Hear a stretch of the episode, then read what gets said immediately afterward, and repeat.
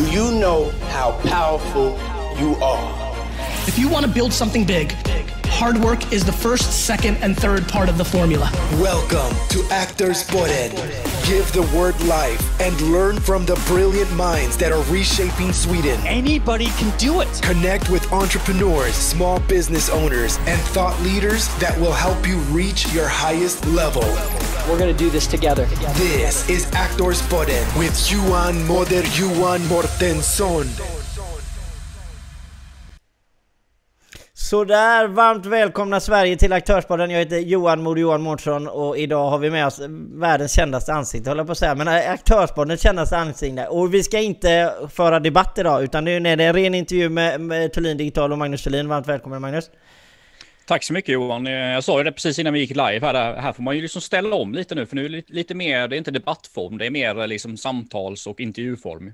Ja, absolut. Och det kommer bli görtrevligt för, för att det här är ändå någonting som jag har tänkt på en hel del det här med att eh, vad gör du? Alltså vi pratar lite grejer om det och det är skönt att kunna eh, få möjligheten att djupdyka i, i, eh, i vad du gör för någonting.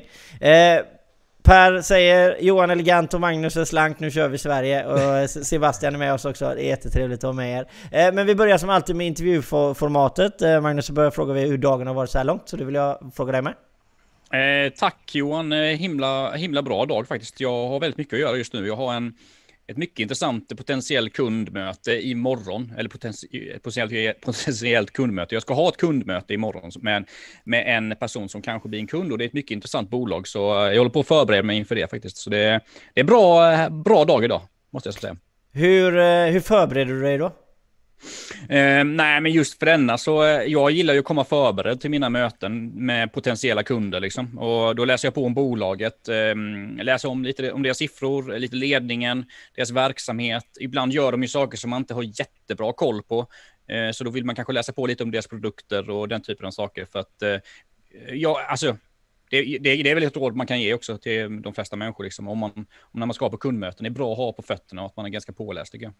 Men eh, så gör du det bara för att du ska känna att du, vad ska jag lägga min kraft på försäljningen? Vad ska jag göra min pitch? Hur, alltså är det, där, är det där du gör den researchen för att nå det resultatet eller? Nej, men jag tror att eh, det är väl ganska viktigt om när man vill ha nya kunder eller om man liksom, eller om man ska på en anställningsintervju eller vad som helst, liksom att man är påläst på den personen man ska träffa eller det bolaget man ska träffa. Eh, jag tror att det, det är lättare för mig att bedöma affären och bedöma vilka affärer vi kan göra ihop om man är påläst helt enkelt. Så det är väl, det är väl egentligen så skulle jag säga. Men vad är det Thulin Digital gör? Alltså, man förstår ju att det är något digitalt, men vad, vad är det mm. du kan erbjuda kunden? Alltså grejen är ju att vi har ju en huvudprodukt på Thulin Digital som är den skärmen som, som står eh, bakom mig. Nu är det inte just den här skärmen som är till salu, men detta är ju, detta är ju en tjänst helt enkelt. Det är en tjänst som visar, eh, visar nyckeltal i realtid. Vi kallar den här produkten för motivationsgeneratorn beroende på att eh, vi, vill, vi vill inspirera produkten till att, eh, till att vara en funktion på ett företag som motiverar människor och engagerar människor snarare än att bara visa upp data. Så, så här bakom mig har vi ett exempel. Jag har en skärm här. Där, detta är faktiskt eh, realtidsdata då från, från mi, mina egna affärssystem och så. Då har vi leads här, vi har deals, jag har försäljning. Så, ehm, och detta uppdateras ju då i realtid eller under den vilken tid man nu vill ha det. Så detta är vår produkt helt enkelt och den här drivs ju med en, med en mediaspelare som vi eh, kopplar in i, eh, kopplar in i HDMI-porten här bak på skärmen. Så man kan ha vilken skärm man vill, man behöver bara våran eh, mediaspelare. Så det man kan säga Johan, det är ju att vi är både ett hårdvaru och mjukvarubolag helt enkelt. Det är, dels har vi våran hårdvara, vår lilla mediaspelare. Och sen har vi ju de här rapporterna som man ser bakom mig här. De är ju helt kundanpassade med loggor och vilka nyckeltal som ska visas och vad det nu kan vara. En, en, sak som jag när jag ser skärmen liksom, så tänker jag så här mm. att för det första så är det ju alltid asroligt att veta information. Helst om man är en stor organisation och många säljare och man vet inte hur mycket man har sålt och sånt där. Det är ju görintressant. Men eh, kan man eh, kan man trycka på knappen? Där med, det så, så eh, LinkedIn och Google och eh, mm. kan man trycka? Kan man få det som att bli touch liksom? Absolut, vi, vi har ju touchlösning också. Eh, jag skulle inte säga att, eh, att eh, det är någonting som vi prioriterar jättemycket, men alla våra rapporter kan ha touch, har touch in, alltså in, inbyggt. Så det bygger helt enkelt på att man måste ha en touchskärm i så fall. Den här skärmen som jag har bakom mig är inte touchskärm. Och mm, när jag är ute hos kunder och så, så, så har jag inte det, det behovet jättemycket. Men det, det är absolut, man, man kan ju ha, våra rapporter kan man ju till exempel filtrera och sådär. Så man skulle kunna ha en liten, en liten filtreringsknapp här uppe som man, om man vill filtrera på vissa datum eller vissa tidsperioder och sånt. Och, men det bygger ju såklart på att skärmen är, är eh, en touchskärm helt enkelt. Sen, du ser ju loggorna här nere, Facebook, LinkedIn, Google och HubSpot-loggan. Detta det är vårt CRM-system. Det är lite för att visa, för att vi jobbar ju med integrationer. Det är ju så att det här där, det står leads, det är ju leads som har kommit in, eller prospekt eller leads som har kommit in genom Facebook, LinkedIn och Google. Eh, sen antalet deals som är slutna det här året i, i mitt bolag är 12 och försäljningen här är ju det. Och det kommer ju från vårt HubSpot-system. Så hela den här skärmen är ju kopplade, det syns ju inte nu, för här ser man ju bara en snygg bild. Men all den här, den här datan som syns här, försäljning, leads, deals och så, kommer ju från de här olika systemen som ni ser här nere. Och det är ju lik, liksom, om man uppdaterar sitt eh, CRM-system, då till exempel att man lägger in en ny försäljning, då uppdateras ju den här skärmen automatiskt helt enkelt då. Ja men det är grymt intressant.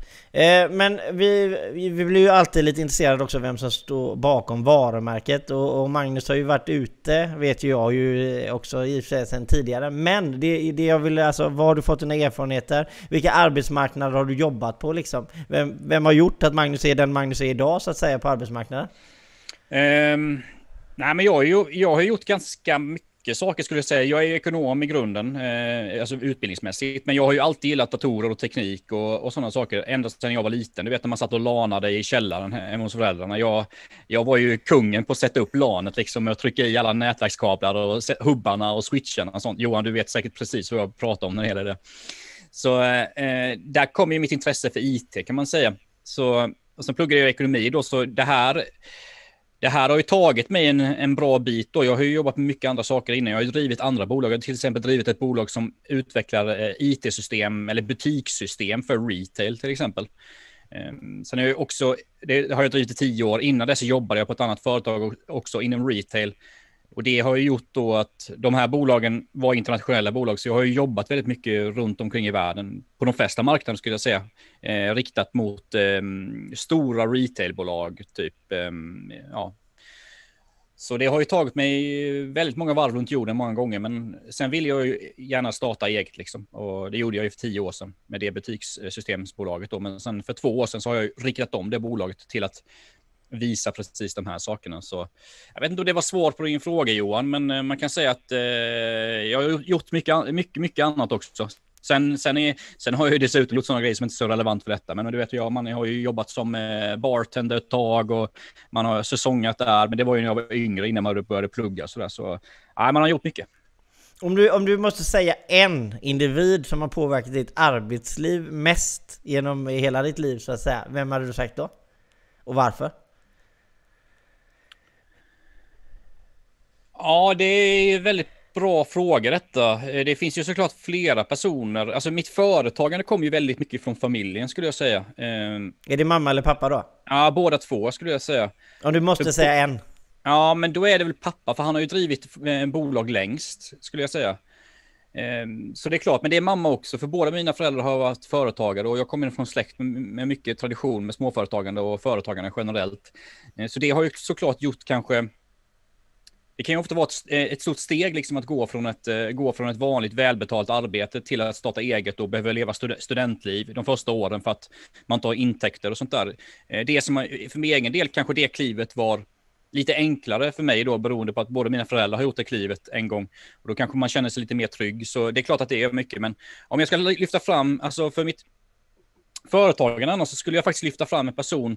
Det kommer ju väldigt mycket på uppstuds den här frågan, så det, men det är väldigt så att då skulle jag vilja lyfta fram faktiskt en kille som heter eh, Fredrik Skålander, skulle jag säga. Det är en, eh, en person som eh, jobbade tidigare på mobiloperatören 3 eh, i Stockholm och 3 har ju varit min kund i mitt andra bolag i 10-11 år. Och eh, när jag startade mitt bolag så gav eh, Fredrik Olander och mig eh, möjligheten att eh, bli leverantör till tre. Och det kan jag säga att det hör inte vanligheten att man som ny, ny, nystartat bolag hoppar in på en av eh, ett, ett, ett eh, stort mobiloperatör eh, som omsätter miljarder, att kunna komma in där och sådär. Så det, det betyder ju väldigt mycket för, min, för utvecklingen av mitt, mitt bolag. Liksom. Så jag, måste, ja, jag skulle gärna vilja lyfta fram honom där.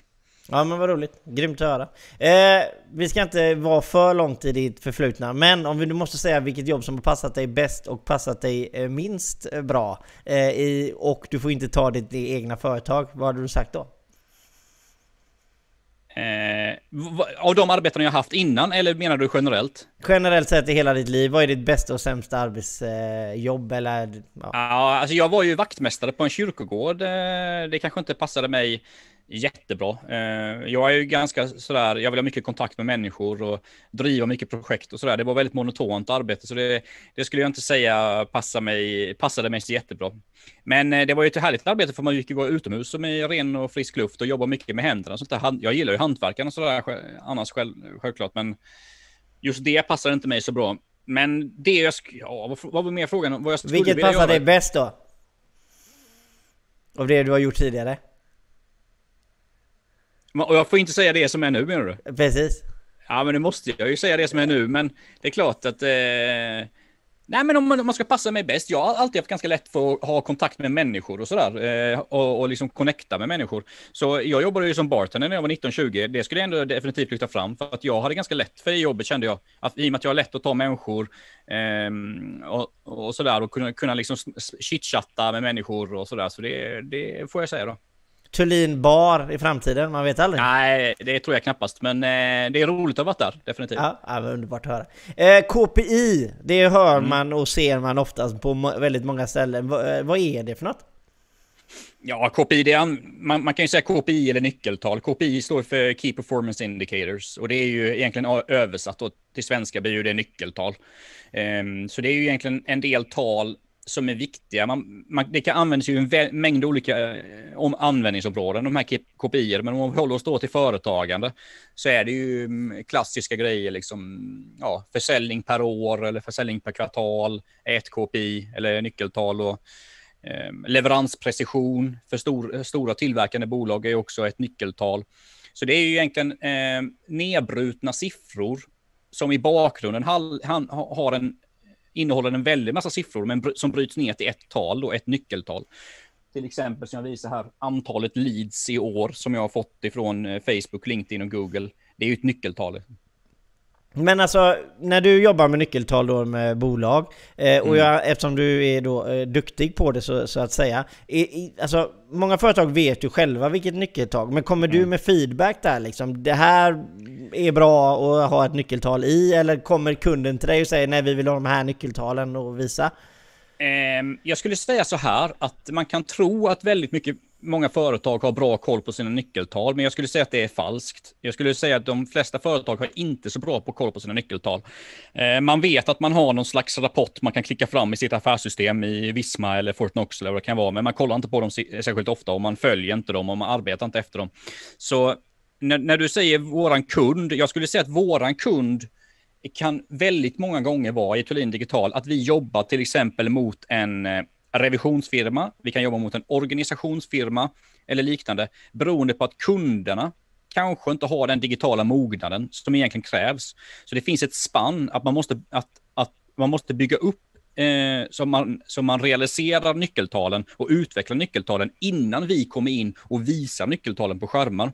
För det är nämligen så att Thulin Digital är inget analysbolag. Vi utvecklar inte nyckeltal. Vi visualiserar nyckeltal. Så vi kommer liksom in när, när processen är klar, att man har definierat sina nyckeltal och vill visa dem och engagera och, och motivera människor. Och det, där kommer det in lite då som, vi har ju en sidoprodukt eller tjänst som innebär eh, eh, dig, eh, så vi kallar digital strategi för bolag. För om man, om man går mot ett bolag så kan det, för att komma till den här skärmen så krävs det ändå att man har en viss digital mognad. Man behöver liksom ha en uppbyggd Facebook-sida, LinkedIn-sida, Google-sida, man behöver ett CRM-system och så vidare och så vidare. Så vi, vi erbjuder även som en kringtjänst en, liksom en att bygga upp en digital strategi för bolag, hur man ska arbeta med den digitala strategin framöver. Eh, för att eh, det är väldigt svårt, liksom, och man kan inte visa skärmar. Har man ingen, finns man inte på Facebook, LinkedIn eller man har inget CRM-system, man har inget affärssystem, jag menar, då går det inte att visa, då går det inte att hämta datan ifrån någonstans. Så det krävs ju en hel del mognad, skulle jag säga, eh, av bolag man arbetar med. Jo men precis med det här med att visa då på skärmarna, så jag tänker så här, försäljning ju är en lätt grej, men liksom så här med tillverkning och sånt, om vi säger till bilindustrin, för att säga, hur många ja. bilar det är som har rullat ut, alltså finns det liksom någon eh, alltså, är, det, är det oändliga möjligheter liksom att kunna visa upp vad som helst liksom? Eller vad, Ja, vad men det- finns det några det- begränsningar? Det, skulle, nej, men det skulle jag ändå säga. Och du sa ju där bilindustrin. Om man tittar på eh, stora tillverkande bolag eller tillverkande bolag överhuvudtaget. Så det är ju en, vi har ju, vår potentiella kund är ju alltså, små och medelstora tillverkande industrier skulle jag säga. Och det är ju så att de har ju ofta affärssystem som är ganska avancerade. De kanske har ett affärssystem som heter Pyramid eller Monitor eller eh, Or eh, Or Oracle eller Oraklet då. Eh, och då är, då är det så att de här affärssystemen har ganska väl anpassade API, kallar det sig. Det innebär att man kan göra anrop till de här systemen. Så vi kan alltså göra anrop från våra skärmar till de här olika affärssystemen för att få ut nyckeltalen. Så på det sättet skulle jag ändå säga att det är bra för att om du, du tog som exempel då en tillverkningsindustri med bilar, bilindustrin. Eh, de har ju antagligen, ett, de har ju antagligen väldigt avancerade affärssystem Ehm, som också har möjligheter att där man kan hämta ut och exportera data. Vilket gör då att då behöver, vi, då behöver vi bara filtrera ner den här datan för att kunna visa det på skärmar. Liksom.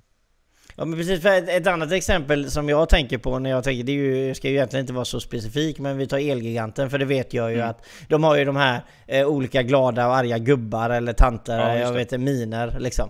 Eh, där de, när man går ut och kunden så här liksom. Och det tänkte jag ju på när, när jag tänkte att vi skulle göra det här avsnittet. Är det någonting så typ man skulle kunna visa upp för kunderna liksom? Att våra kunder är så här nöjda med oss eller sådär liksom? Ja, det, hade det absolut. varit en möjlighet? Absolut, och där kommer vi ju lite på det du pratar om där med, du sa ju touchskärmar innan. Eh, Elgiganten har ju de här knapparna, absolut. Vi kan ju också göra en sån, fast vi kan lägga det på en läsplatta istället. Istället liksom, där man klickar på en gubbe, till exempel med touch du, som du var inne på då. Och sen kan det visas, de här, eh, kan det visas på en större skärm, liksom, antingen för kunderna eller för medarbetarna. Eh, jag håller faktiskt på med ett projekt just nu, kan inte säga vilken kund det är, men, eh, men det är en, en stor bygghandel i Sverige som vill ha sådana här skärmar inne på personalrummet i, i deras varuhus. Och då, där kommer de här skärmarna visa till exempel det, precis det som du var inne på där. Kundnöjdheten, eh, men också liksom försäljningssiffror, utgående gods, hur många paket som ska skickas och sådana saker. Så det, det, det stämmer Johan, Vi- jag har faktiskt inblandad i ett sådant projekt just nu. Men alltså det här med motivationsgeneratorn, kallade du det så? Ja. Mm. Ja, vi kallar Eh, produkten så ja. Ja, eh, och då, alltså det jag tänker då liksom, alltså hur man skulle kunna använda det, eller hur ska man tolka den, den användningen så att säga? Har man då, vi säger det som du sa nu, på personalrummet någonstans, där man ser att det man gör gör skillnad, är det så liksom man ska, är det så man ska tolka det? För att Ja, Många kan ju bli väldigt negativa då kan jag tänka mig och säga åh, åh vad jobbigt att se det hela tiden eller sådär, eller hur, hur tänker du? Nej, men det är klart, det beror ju på lite vad man är för organisation. Liksom. Är man en organisation som jobbar väldigt ty tydligt efter nyckeltal, eh, och, alltså mål, man har ett nyckeltal man ska uppnå med ett mål, då är det klart att då blir det ju enklare att, att se hur, hur man ligger till mot målen genom att ha en motivationsgenerator. Och det kan ju vara som till exempel på våran skärm att ja, under Q1 så ska vi ha 100 leads till exempel. Och under Q1 ska vi ha gjort eh, 100 stycken ådrar, ordrar eller deals då liksom. Och vi ska ha omsatt x antal miljoner. Det är klart att då blir det ju så här att men det är också jävligt viktigt Johan, det var bra att du tog upp den punkten, för det är väldigt viktigt med målsättning, att man inte sätter mål som är liksom oövervinnliga och inte kan klaras. Det gäller ju väldigt mycket att organisationen bygger mål som är möjliga att klara. För är det så att vi har ett, har ett mål på 10 miljoner på Q1 och så står det 379 000 här och idag är det den 24, eh, 24 februari. Ja, det är klart det blir ju omöjligt att uppnå 10 miljoner. Så det är klart, men hade det stått 450 eller 500 000 här, då kanske det, då är det meningen att man ska gå igång och tagga igång för att nu ska vi nå det här tillsammans. Liksom. Men det här med, du pratar lite om de här olika marknaderna eller olika arbetsområdena ni har, så är det här med KPI, skärmar är en sak. Du, du snackade även om att ni har den här digitala processen med att du hjälper företag att bli mer digitaliserade och anpassa deras tjänster. Vad, vad innebär det? Alltså om vi djupgår i det där, för det, alltså, det digitala är så stort idag liksom. Vad har det, Absolut. alltså, är det hemsidor, skapa hemsidor, alltså hur, hur, hur Ja, brett är precis. det? Marknadsföring, alltså. Ja, ja, absolut. Alltså det, det är ju, man kan ju ta ett typexempel. Vi har en kund just nu som jag jobbar med som i Lund här. Jag sitter ju i Malmö, men Lund är väldigt nära och Lund är ju ett otroligt eh, liksom, företagsmäcka. Där har vi ju en kund då som, som vill ha motivationsgeneratorn allt klart där. Så slutprodukten blir motivationsgeneratorn. För att komma att kunna sätta upp generation, eh, motivationsgeneratorn på deras bolag så kommer vi behöva en hel del saker på plats. De vill mäta en hel del saker. De vill mäta besök på hemsidan till exempel. De vill, de vill slå ut eh, försäljningen på deras hemsida kontra besökare och sånt där. Så det är en mängd olika saker. Då hjälper vi dem för att vara konkret nu då, för att vi håller på att utveckla deras hemsida, uppdatera den för att den ska kunna klara de här processerna, för att vi ska kunna skicka ut den här datan till motivationsgeneratorn. Vi har också hjälpt dem med att välja CRM-system. Eh, vi rekommenderar ju HubSpot för att vi använder HubSpot själva och HubSpot är ruggigt bra om man vill exportera data. Eh, så det är också en process. De hade inget från början. Nu har de HubSpot och det har vi, vi har hjälpt dem att sätta upp det överhuvudtaget också. Och det innebär att nu kan vi då hämta ut data från, från deras HubSpot och visa motivationsgeneratorn. Likadant med in, Facebook och Instagram. De hade ju Facebook och Instagram innan på deras sidor, men vi behövde göra en del tweakar på deras Facebook, eh, förlåt, jag sa Instagram, jag menar LinkedIn, deras Facebook och eh, LinkedIn, för att möjliggöra att hämta ut data från Facebook och LinkedIn för att vi kunna visa på skärmar. Men för, sen var det också så att de hade ju ett Facebook-konto och ett LinkedIn-konto. Och, men de använder det aldrig. De visar aldrig någonting. De gjorde aldrig några uppdateringar. Och där kommer också en strategi som just i det här fallet då, ja, vi ska göra, ni ska göra en uppdatering per vecka. Eh, skriv eh, ett inlägg så här, så här, så här. Till exempel. Och eh, det var ju till exempel, då fick jag en motfråga. Ja, men Facebook, vi ska inte ha Facebook för att våra kunder finns inte på Facebook. Vi är ett business to business-bolag. Ja, okej, okay, säger jag. Men du, om jag säger så här, då sa jag till kunden. Ni är alltså, Facebook är världens största sociala medieplattform nästan alla beslutsfattare har Facebook. Alltså Facebook, de användarna av Facebook är typ, de som är mest engagerade är 40 till 60, 70 år. Och det är ofta beslutsfattare. Och de är ofta på Facebook när de kanske är hemma med ett glas vin på kvällarna, eh, på fredagskvällen, när de har slappnat av från jobbet, kanske de loggar in på Facebook. Det är klart, då vill vi ju rikta annonser när de är mest mottagliga för information. När de har slappnat av, liksom eh, sitter med sitt glas vin på fredagskvällen. Så det är ju ett typexempel att många kanske tror att Facebook är inte alls bra för att eh, jobba med business to business. Jo, det är bra om man jobbar med det på rätt sätt skulle jag säga. Så det är väl några exempel Johan.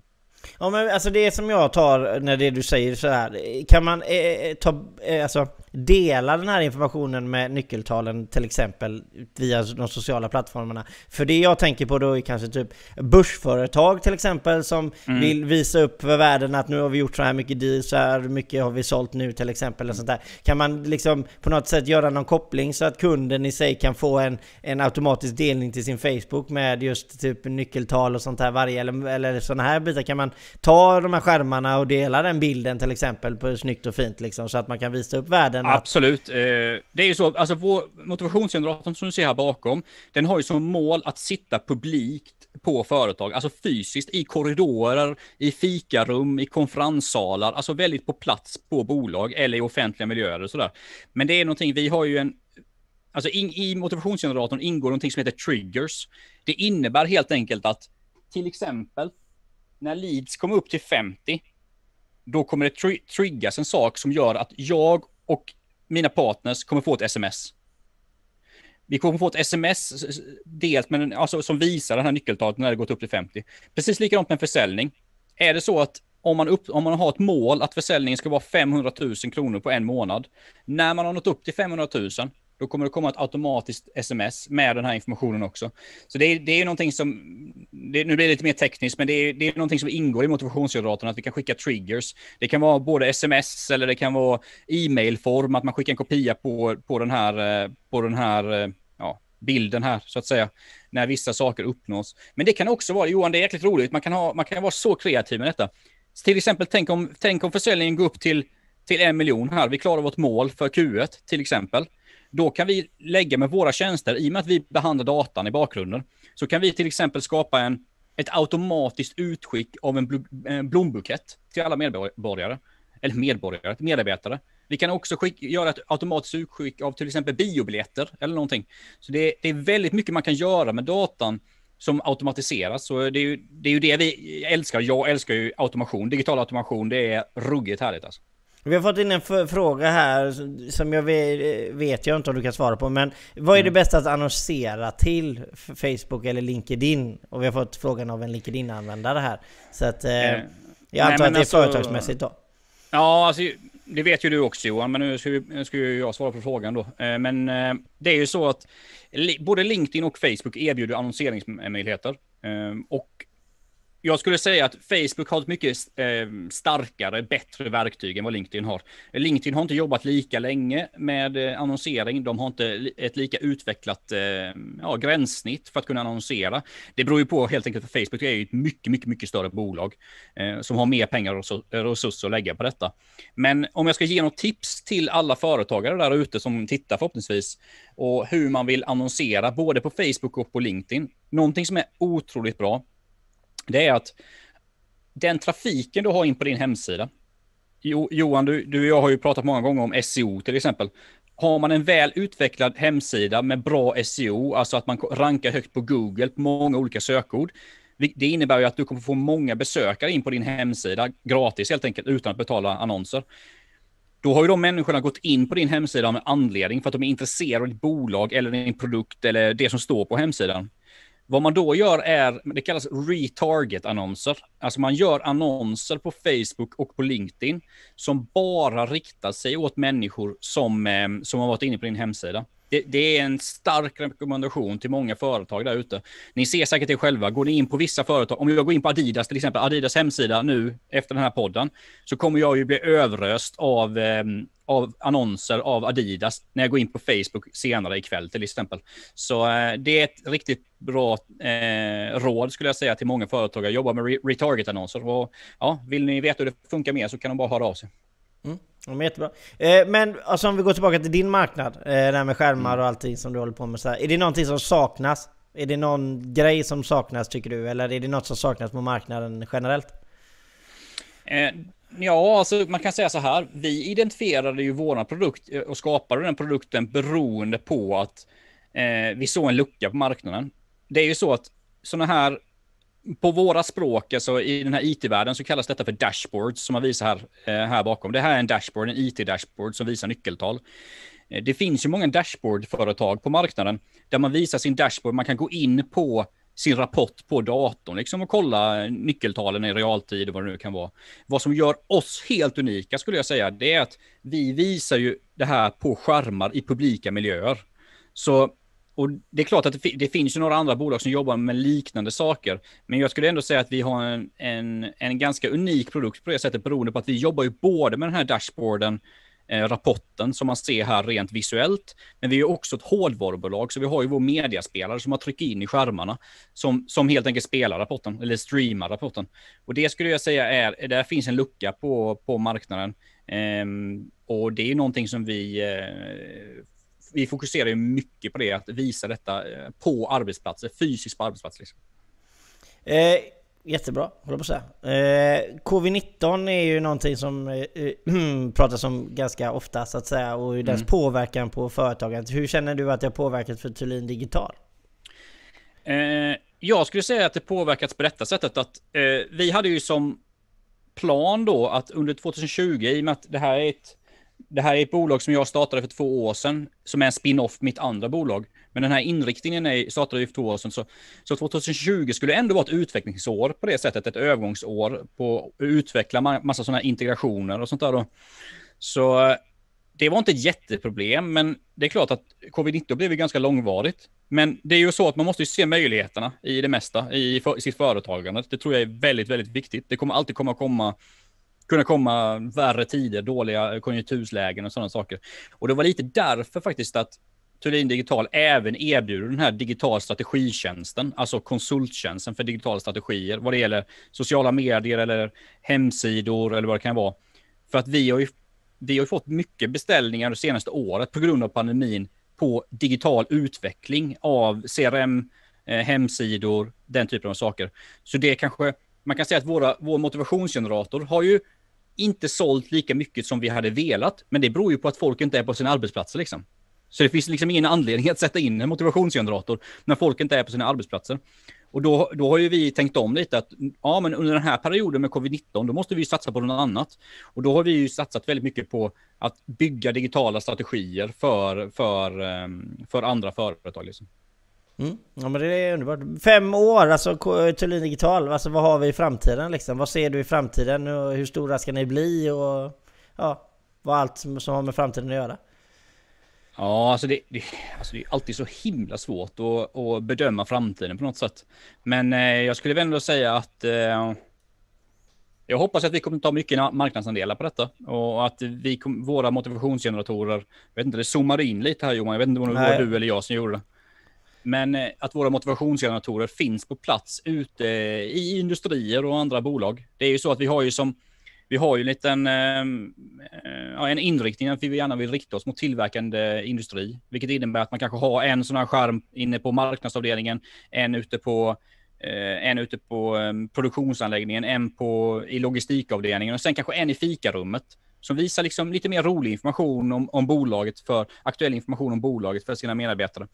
Så det är ju min vision. Om fem år så ska vi finnas på eh, en många arbetsplatser på, eh, i södra Sverige skulle jag säga. Kommer ni expandera i antal individer? Alltså anställda menar du? Yep. Eh, det är ju inte omöjligt. Nu har jag ju lite, jag har ju eh, faktiskt ändrat lite min filosofi i, i företagen de senaste åren, så jag jobbar ju gärna med konsulter eh, på konsultbasis. Så det är klart, men man behöver ju en stomme med anställda, men sen skulle jag säga så det kommer nog vara en kombination. Men jag tycker det är väldigt bra att jobba med egna företagare. Jag gillar ju den filosofin väldigt mycket generellt i företagande, att man jobb, jobbar med partners och sådär.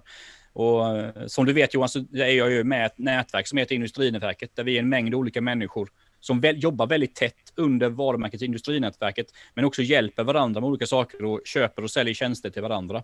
Och det tror jag är väldigt mycket eh, framtiden skulle jag säga. Och det gör ju också, det gör ju möjlighet, det ger ju möjligheten Thulin Digital också att växa, beroende på att jag har så mycket kompetens runt omkring mig genom våra partners och um, genom det här nätverket som jag är med i. Då. Vi har fått en, en liten eh, kommentar här på retargeten. Alltså, att, eh, alltså fungerar det för att eh, Sebastian då som skrev detta, han, han känner att han gillar inte det för att och bli utsatt för det själv. Men eh, mm. fungerar det bra eh, alltså sälja på retarget? 100% retarget-annonser är skitbra. Eh, för det, det är så, det är, klart att många, det är klart att många blir störda. Jag kan ju också bli störd om jag varit inne på en hemsida eh, som, och sen få en massa reklam om den hemsidan efteråt. När jag kanske har valt att ja, nu vill inte jag vara inne på den hemsidan mer, för jag tyckte detta var en skitprodukt och sen blir man bombad av den produkten liksom på Facebook sen. Det är klart att då kan man ju faktiskt klicka på dölj annons om man ser den annonsen på Facebook, det ska man ju faktiskt säga. Men eh, det ligger ju i mycket det han säger, men jag skulle ju säga så här, att bygga en annan typ av annons på Facebook eller LinkedIn som riktar sig mot en bredare målgrupp, det innebär ju att din konvertering kommer bli mycket lägre. Det innebär ju att du kommer, sälj, du kommer få betala mer eh, för den annonsen innan du får försäljning så att säga, eller får en intäkt på annonsen. Mycket beroende på att även om du är väldigt noga med din målgrupp och väljer ut en bra målgrupp så kommer du ändå visa annonser för människor som inte har något intresse för din, för din produkt eller tjänst. Liksom. Det, det ligger liksom i sakens natur med, med de här annonseringsverktygen. Men det här retarget-annonserna, där, där vet du i alla fall att de här människorna som ser den här annonsen, de har, de har varit inne på min hemsida.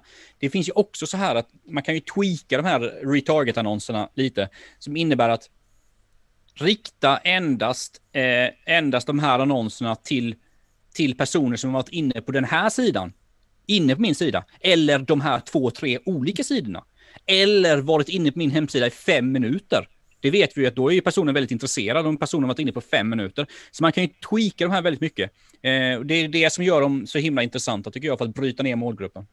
Ja, men det var, en, det var väldigt bra svar. Eh, om vi, vi ska ju ha kommit till vårt slut så att säga och ordet är fritt. Är det någonting du vill tillägga Magnus? Alltså när ordet blir fritt eh, så är det alltid svårt vad man ska säga. För eh, när man blir styrd lite i en sån här intervjusituation som du är så blir man ju, då koncentrerar man sig väldigt mycket på, eh, på, de, på de frågor man står framför sig. Sen när man ska tänka fritt så blir det lite, oh, då blir det lite surrigt. Men Nej, men vad kan jag säga? Generellt så har, har ni frågor eller så är det de som tittar om, om digitala strategier till exempel. Om ni är ett bolag ska jag säga då. Eh, eller om frågor om motivationsgeneratorn och hur vi jobbar med integration och sånt så får man jättegärna höra av sig till mig. Det, det behöver inte vara, det är inte så att jag kommer köra ett säljsnack direkt liksom och börja sälja på er. Det, jag gillar ju, som jag sa innan, jag gillar ju teknik och jag satt ju och lanade i, i källaren när jag var liten liksom, så jag gillar ju att snacka teknik generellt. Så hör av er bara i så fall. Vad eh, är LinkedIn, Facebook, vad, vad ska man höra av sig någonstans? Borde gå in på hemsidan kanske? Maila? Eh, absolut. Det, det, det, bästa skulle jag säga när jag snackar om företag så är ju LinkedIn tycker jag det bästa. Eh, jag försöker jag pratar en del företagare på Facebook också, men jag tycker LinkedIn, där försöker jag verkligen hålla det väldigt cleant till mitt varumärke Thulin Digital och prata om de grejerna jag pysslar med. Facebook är lite mer brett liksom, man har åsikter om saker och ting. Så nej, men hör av er på LinkedIn eller liksom eh, gå in på min hemsida. Eh, maila mig, vad som helst. Eh, sista grej var från Martin frågar, alltså jag tror att han pratade om LAN, var det med koaxkabel? Ja, ja, ja, ja, koaxialkabel. Ja, ja, ja, koax koaxial är det bästa som finns. Kommer du ihåg det Johan? Du är lite yngre än mig. Ja, jag är lite yngre. Ja, nej, det ja. var nätverk eh, till ja, ja, precis. Koaxial, det här, alltså nu, det här snacket gillar jag Johan. Det här gillar jag. Det är ju så, koaxial ser ju ut ungefär som en den här sån här gammal tv-sladd. Du vet, man har i gamla tv som antennkabel. Eh, de såg ut att man drog på dem och sen eh, satte man ihop dem olika förlängningar då. Det var ju koaxialkabel. Sen hade man liksom nästan som sån här strömgrenuttag, fast mycket, mycket mindre. Så kunde man koppla ihop en massa koaxialkablar till ett liksom nätverk på det sättet. Alltså detta är, nu snackar vi, nu snackar vi nostalgi. Koaxial, jag var kung på koaxial.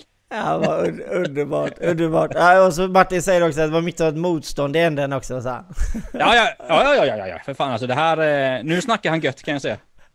Ja, det är underbart att vi ja. slutar liksom så här perfekt. Eh, ja, men du vet, jag har, så, du vet jag har så jäkla mycket, man har ju så otroliga minnen från sin barndom. Du vet när man satt och spelade Wolfenstein 3D och Doom på koaxialkabel. Duke men jag, Ja, men du, jag ska vända, jag ska vända på den här frågan till, var det Sebastian hette? Nej, Martin. Martin, har du, har du lanat med seriellkabel? Nu snackar vi. Nu är vi tillbaka. Nu är vi tillbaka långt i tiden. jag vet inte faktiskt vad det här är för kabel Nej, alltså, jag var riktigt, eh, alltså Johan, vi, vi förde över Doom över seriellkabel när jag, när jag var liten för att kunna spela. Att båda, tvungen, båda två var ju tvungna att ha Doom installerat på sin dator. Då förde vi över det ju över en seriell, seriellkabel. Det tog typ två och ett halvt dygn. Det var inte så snabbt då liksom, så man behöver inte... Nej. Ja, det är helt underbart alltså. Det är underbar kuriosa så att säga. Helt underbart. Ja. Eh, Martin tyckte i alla fall, han gav dig kudos, han tyckte det var väldigt roligt i alla fall. Eh, ja, jag men, också. Ja, o, o, oavsett i alla fall. Men ni, ni har lyssnat på ett avsnitt av Aktörspodden. Eh, jag heter Johan Modo Johan Mårtsson och vi har haft med oss Magnus Thulin från Thulin Digital och där sätter vi punkt och har nu en förbannat trevlig dag för det har vi tänkt ha. Ha det bra nu!